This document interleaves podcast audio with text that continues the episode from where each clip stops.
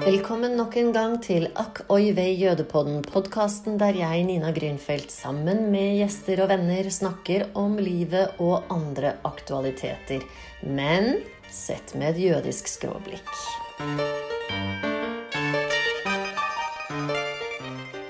I denne episoden snakker Monica og jeg om halvmugne appelsiner, om Helena Rubinstein og Esther Lauder som jødiske entreprenører i skjønnhetsindustrien, om å stå til bar mitzvah og om det nye året, Shana Tova.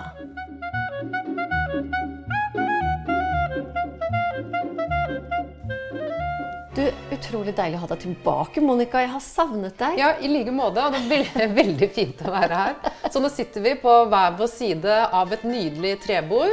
Ja. Og du har fått på deg en nydelig ullgenser. Jeg sitter som sedvanlig med ditt vakre eh, fersken laksefargede teppe. Ja. Det, er litt, det begynner å bli litt kaldt. Det er høst. Begynner å bli litt kaldt. Og jeg fryser jo alltid, da. Ja, Og strømprisene er dyre. Men eh, nå fikk jeg høre av min ekte felle her at Ja. i går gikk de ned til hva var det, 17 øre kilowattimen eller noe Og sånt. for å si det sånn, det hadde jeg fått med meg på så mange vis. Så det er første gang på flere måter. Jeg har hatt det varmt i to rom på én gang. Satt på to oppvaskmaskiner, ikke vaske, men to oppvaskmaskiner, og tok meg den luksusen å langtidssteke 1,5 kilo musli. Oi, oi, oi. Og jeg har bestilt varmepumpe, men han gir jo ikke lyd fra seg, så nå begynner jeg å bli litt sånn jødisk sinna. Hvor blir det av jøde... Nei, jødepumpen, sier jeg. Varme. Hvor blir det av jødepumpen? Hvor blir det av Ja. varmepumpemannen? Nei, for da må du bli indignert. Fordi vil, Må- han, vil han at vi skal fryse i hjel? Ja, ikke sant? Hva er problemet hans? Vet han hva jeg har vært igjennom? Forstår han hva dette handler om? Vi risikerer rett og slett å fryse i hjel. Du skal få slippe å fryse. Så Så jeg, jeg er i ferd med å bli litt Monica. Du er jo ikke redd for å si hva du mener. Og nå har du senest uttalt deg om modne og halvmodne appelsiner. Ja, ja altså jeg, jeg eh, er jo en kvinne i, eh, midt i livet. Eh, det er vi jo begge to. Mm. Eh, vi er jo like midt i livet begge to. Og eh, Kanskje litt over midten nå, men det, nei, det kan hende vi holder så lenge at vi, Nei, vi holder. Vi holder. Ja. Og det som er tingen, er at eh, for det første så har jo eh, kvinner i den vestlige verden eh, utsiktene til et langt livsløp. Eh, og jeg har jo allerede i flere runder eh, kommentert på eh, hvordan TV-serien Borgen tar for seg en kvinne i overgangsalderen. Eh, og så er det sånn at jeg som Dette er det ikke alle som vet, men jeg som hobby har de siste 13 årene lest ekstremt mye om eh, kvinnerelatert helse og overgangsalderen. Så jeg er oppriktig opptatt av det. Og hva skjedde da når du så dette oppslaget på Aftenpostens podkast? Altså, det som var tingen, var at eh, Aftenposten skulle lansere en ny podkast. Eh, og det jeg har kommentert på, er egentlig den visuelle kommunikasjonen. Den nye podkasten skulle handle om kvinner i sin beste alder. Og den var rett og slett illustrert med hva da, Nina? Nei, det var en halvmuggen appelsin. En halvmuggen appelsin. Ja. Og når du ser en, en råtten appelsin med, med sånn muggskjegg, som jeg kaller det, hva tenker du på da? Nei, jeg tenker vel at den er ganske oransje og fancy og fin på den ene siden, men jeg tror ikke jeg hadde spist den. Nei, du hadde kastet den. Jeg hadde nok det. Du kan ikke koke marmelade av den engang. Nei, nettopp. Nei.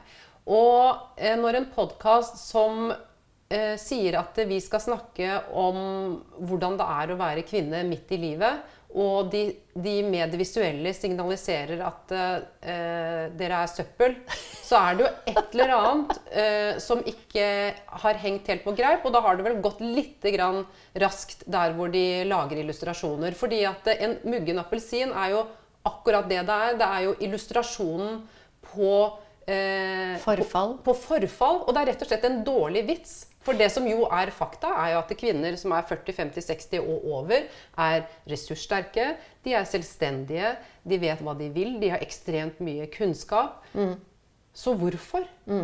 Ikke sant? Og noen kaller Men det jo du var heller ikke den eneste som reagerte på dette. Det ble jo, jeg skjønte at det ble mye, mye på nettet. Ja, nei, altså Det har rett og slett blitt en mediestorm. Ja. Eh, Og nå har de endret seg, da. Og i dag, faktisk, denne dagen her, så skulle jeg bare kikke innom for å se om det hadde skjedd noe. Og nå har de nå illustrert podkasten med en, med en fersk appelsin. Og så får man jo mene hva man vil, vil om det. Men jeg, men jeg ble indignert på Virkelig på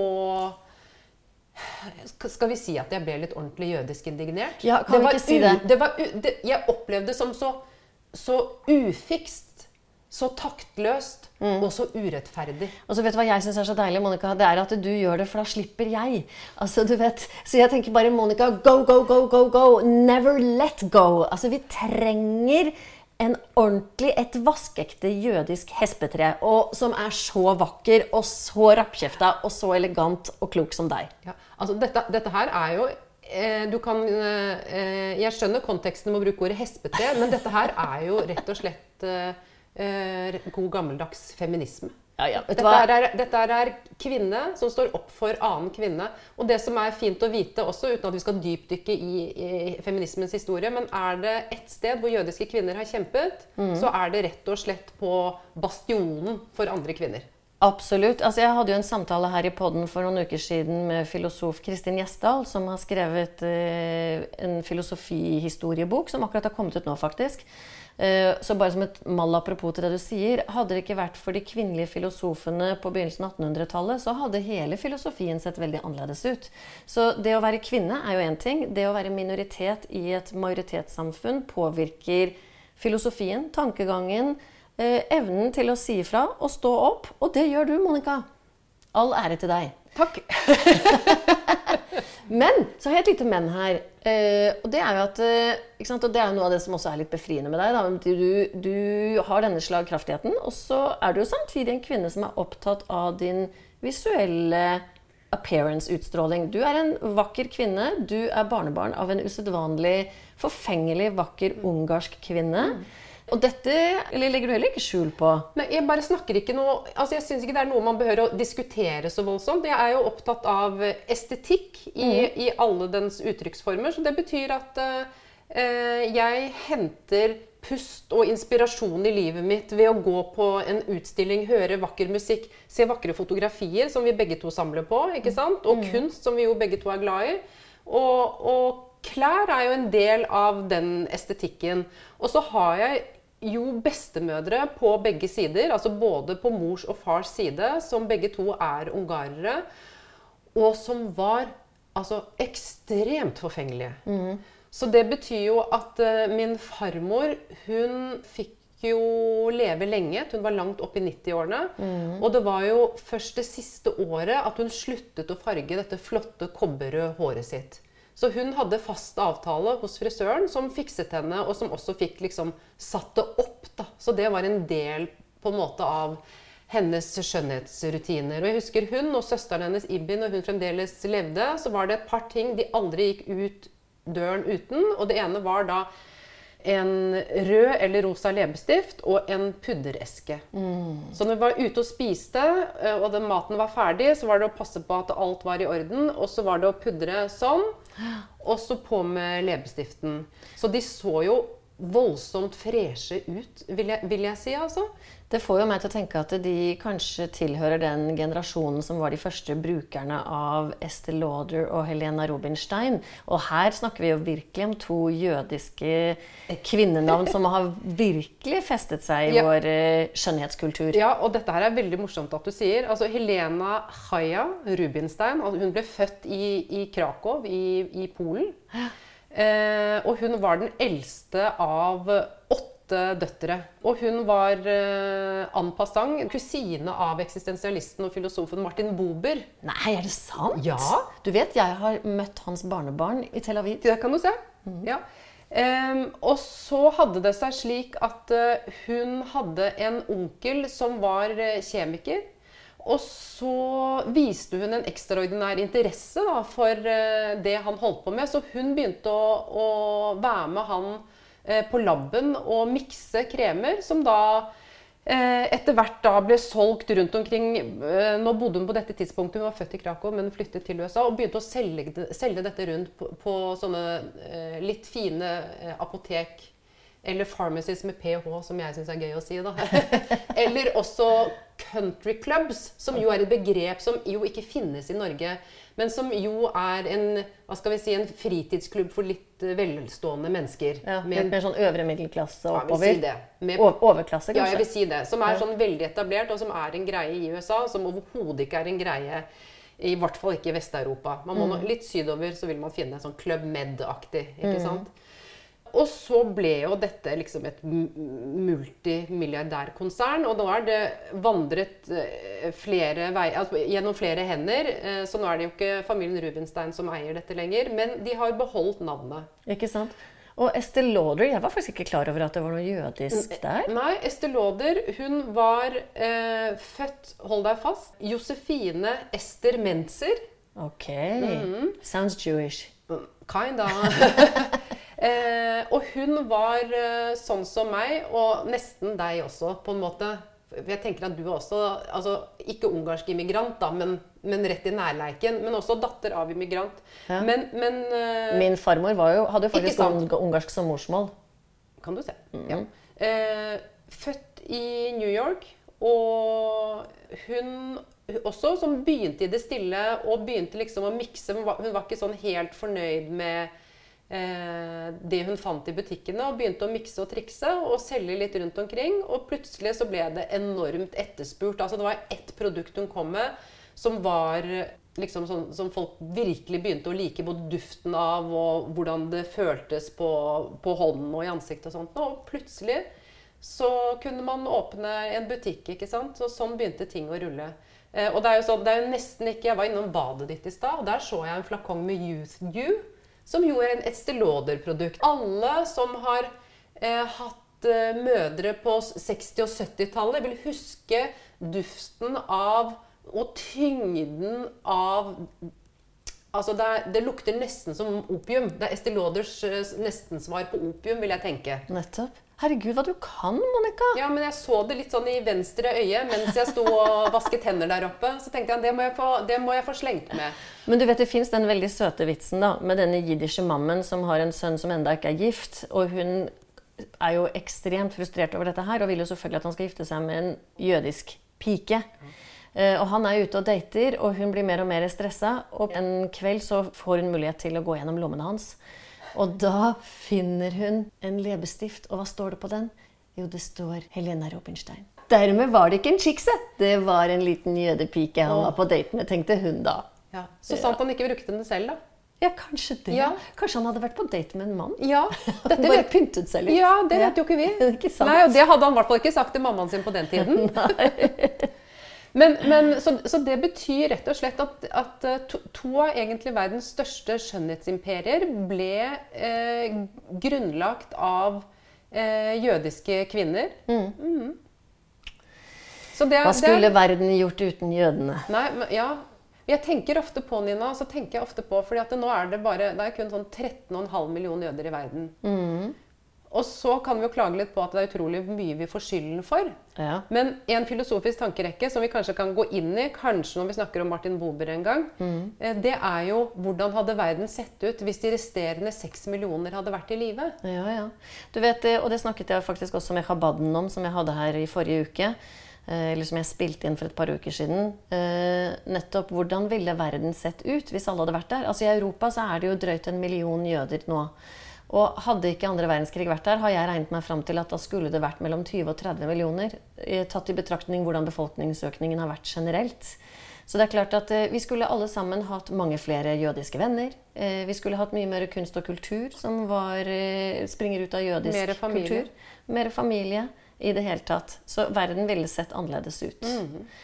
Men du, i denne lille verden vi tross alt da lever i, så skjer det jo likevel ting. Blant annet så møttes du og jeg for noen uker siden i en bar mitzvah som jeg syns var veldig spesielt. Og der faktisk også Chabaden var til stede fordi han Det hadde eh, ledet hele denne bar mitzvahen, altså en jødisk konfirmasjon, som jo var din, din slektning. Men dette fikk jo også konsekvenser for mer Ja. nærstående i din familie. Kan ikke du fortelle litt om det? Jeg har jo folk i min familie som ikke har vært igjennom det tradisjonelle religiøse løpet. Mm. Og av veldig mange forskjellige og viktige grunner, bl.a. annen verdenskrig. Mm. Da skulle man bruke så lite tid som mulig på å vise hvem man var i etterkant. Eh, Så det betyr at eh, Og deretter kommunisme, hvor man heller ikke Og- skulle flagge og- at man var jødisk. Overhodet ikke. Det var det verste man kunne gjøre, å flagge det religiøse. Mm. Så det betyr at uh, flere slektninger hos meg har eh, aldri deltatt i noe særlig jødiske ritualer knyttet opp mot dem. Eh, så det som skjedde, og som var litt spennende, og egentlig litt sånn ukjent for meg også, var jo at uh, han som ledet seremonien, han tok med de, en del voksne menn inn i dette bar mitzvah-ritualet også. Mm. Uten at de da har forberedt seg på samme måte som en ung gutt vil gjøre. Kan jo trygt si at ikke de var helt forberedt, nei. Eh, men, men, det som var så fint å se, det var hvordan eh, det rørte dem så enormt. Da. Mm. Eh, og, og, oss som var til stede? Og oss som var til stede også. Eh, så jeg vet, det, er ikke helt godt å si hva som skjedde. Jeg kjenner at jeg blir litt rørt når jeg snakker om det nå. Men det var jo bare å lese ansiktene deres og se hvor At kanskje det fylte et eller annet de hadde savnet litt. Og at de ble anerkjent eller fylt av en slags sånn aksept. At det å være jødisk ikke bare skal være vanskelig. At det kan være noe fint og noe festlig også, som jo en bar mitzvah er. ikke sant? Som tradisjonelt er på en måte en overgangsrite, akkurat som en konfirmasjon er. ikke sant? Mm. Bar mitzvah for gutter og bat mitzvah for jenter. Mm. Eh, og, for de som har sett Just Like That, vi har jo snakket om konfirmasjon før, så har jo du noe å tilføye. Ja, ikke sant? Jeg, det fikk meg til å tenke på nettopp den episoden som vi har en egen episode om i vår pod. Der eh, karakteren Charlotte i And Just Like That, som er denne oppfølgerserien til Sex og singelliv, hun har jo en datter som skal stå til bat mitzvah. Men hun er en ung pike på søken etter eh, egen identitet og kjønnsidentitet osv. Og, så og når hun endelig har klart å stå opp for seg selv og sin egen kjønnsidentitet, så sier hun også at hun har ikke noe behov for å stå bat mitzvah. Hvorpå Charlotte går totalt av skaftet, for hun har jo kjøpt inn kaker og leid en, eh, en rabbiner som er en hen, og gudene vet what not. Eh, så det hele ender med at det er Charlotte selv som velger å stå til bat mitzvah. Mm. Og det var for meg litt som å se din far da han plutselig i en alder av hva er han? Snart 80. 80 faktisk står til sin egen bar mitzvah. Mm. og det var veldig, veldig mm. rørende. Mm. Veldig. Eh, det var det. Så det var Jeg tror det ble en, et minne for livet for alle som var til stede. Så det mm. var fint og veldig fint å se på. En annen ting som slo meg, som jeg også Det var jo at Chabaden som ledet det hele, han blåste jo i denne sjåfaren, mm. som er dette Er det et bukkehorn? Ja, ja, det er det. Og hvorfor man blåser i den, det vet jeg ikke, men man gjør det i hvert fall når det er nyttår, har jeg fått for meg. Og nå er det nettopp Det har ja. nettopp vært nyttår. Ja, det har nettopp vært det. Og det er også Vi kan si Shana Tova. Shana Tova, som betyr eh, godt år, på en måte. Ja. Eller Shana Tova Emetuka, som betyr ha et søtt år. Så man spiser jo ofte et stykke frukt som man dypper i honning for å ønske på en måte hverandre et godt og søtt kommende år. Mm. Og vi er jo da inne i år 5743, ja, det er, noe, det er det det? Jeg er litt usikker, men vi nærmer oss 6000 snart. Ja, vi gjør det. Vi gjør det. Så har det akkurat også vært forsoningsdag, altså mm. jom kippur. Og da eh, Det er på en måte litt sånn oppgjørets time i jødedommen. Men, men, det som er fint, det er at eh, I jødedommen er man jo veldig opptatt av gode handlinger, altså det som heter en mitzvah. Mm. Eh, så det betyr at du kan ikke gå og si, si, be om synsforlatelse hos Gud før du har gjort opp med mennesker. Mm. Så det, det, er på en måte pålagt da, at man skal eh, gjøre opp der man kan, da. Ikke sant? Og det, slik jeg forsto Kabaden, så handler det nettopp veldig mye om å håndtere menneskelige relasjoner jeg syns det var interessant å høre han snakke om i hvert fall det fokuset han har i sin praksis, i sin praktisering av sin, av sin jødendom. Uh, dette med en mellommenneskelig kontakt og forståelse, og at forsoningsdagen virkelig er en dag for å gå i dybden av hvem har jeg vært dette året? Hvem ønsker jeg å være eh, i min kontakt med omverdenen og andre mennesker? Ja. Og jeg tenker jo Det er jo en type praksis som man ikke behøver å være jødisk for å ha lyst til å gjøre. For jeg tenker også at noen og enhver har lyst på et skifte i livet mm. og velge en ny retning. Mm. Så det er jo også det det handler litt om. Å klare å blikke litt inn i framtiden. Mm. Eh, og at det er på en måte et sted i hvert år hvor man minnes dette. Mm. ikke sant? Alle religioner, av de store religionene følger jo på en måte et slags årshjul da, som også er tett i pakt med naturen. Eh, og det um, tenker jeg er en viktig ting. Det er ikke for ingenting at nyåret faller på høsten, og at vi spiser epler. Ikke sant? Men du, eh, vi har allerede snakket i 20 minutter. Jeg- Jeg tenkte at nå når du endelig er tilbake Du er jo min tilbakevendende makker, Monica. Og når du blir borte for lenge, så savner jeg deg veldig. Og så tenkte jeg at dette her skal ikke bli en sånn veldig lang episode. Vi skal snakke om litt mer i neste episode. Ja. Men kanskje vi bare skal da avrunde litt med der vi begynte. Altså, vi foretrekker modne, saftige, herlige oransje appelsiner framfor de mugne. Og det er lov å to, gå to skritt tilbake og tenke seg om. Er det noe mer du vil tillegge? Gleder meg til neste episode. Ja. Da er vi på full fart inn i det nye året, Monica. Godt nytt år. Takk for at du lytter til AKIV Jødepodden. Om du liker denne podkasten, kan du trykke 'abonner' i din foretrukne spiller. Da vil du motta beskjed om når neste episode blir publisert. Dersom du har spørsmål til AKV Jødepodden eller vil bidra med innspill og ideer, send gjerne en mail til post at jodepodden.no. AKOIV Jødepodden er støttet av stiftelsen Fritt Ord. Musikken du hører, er komponert og arrangert av Jens Wendelboe.